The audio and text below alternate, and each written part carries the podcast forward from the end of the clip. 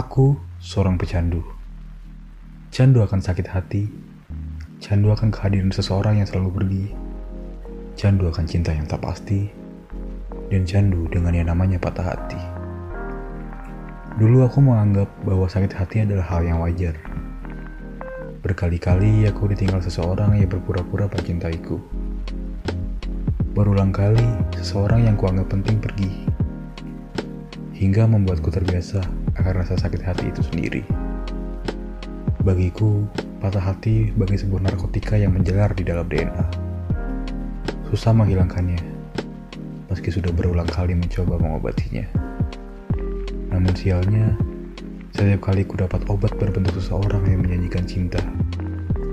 Namun dia kemudian pergi, lagi, dan lagi.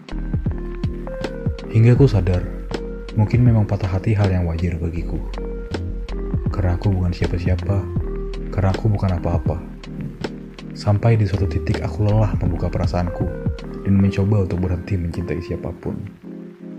Berhenti jatuh cinta dan berhenti mencintai. Sampai akhirnya kau datang.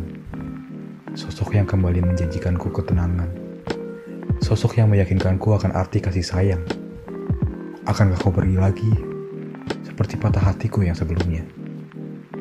Atau justru ternyata kaulah obat yang tepat untuk canduku akan patah hati. Jika memang kau obat yang tepat, tolong obati aku dengan benar.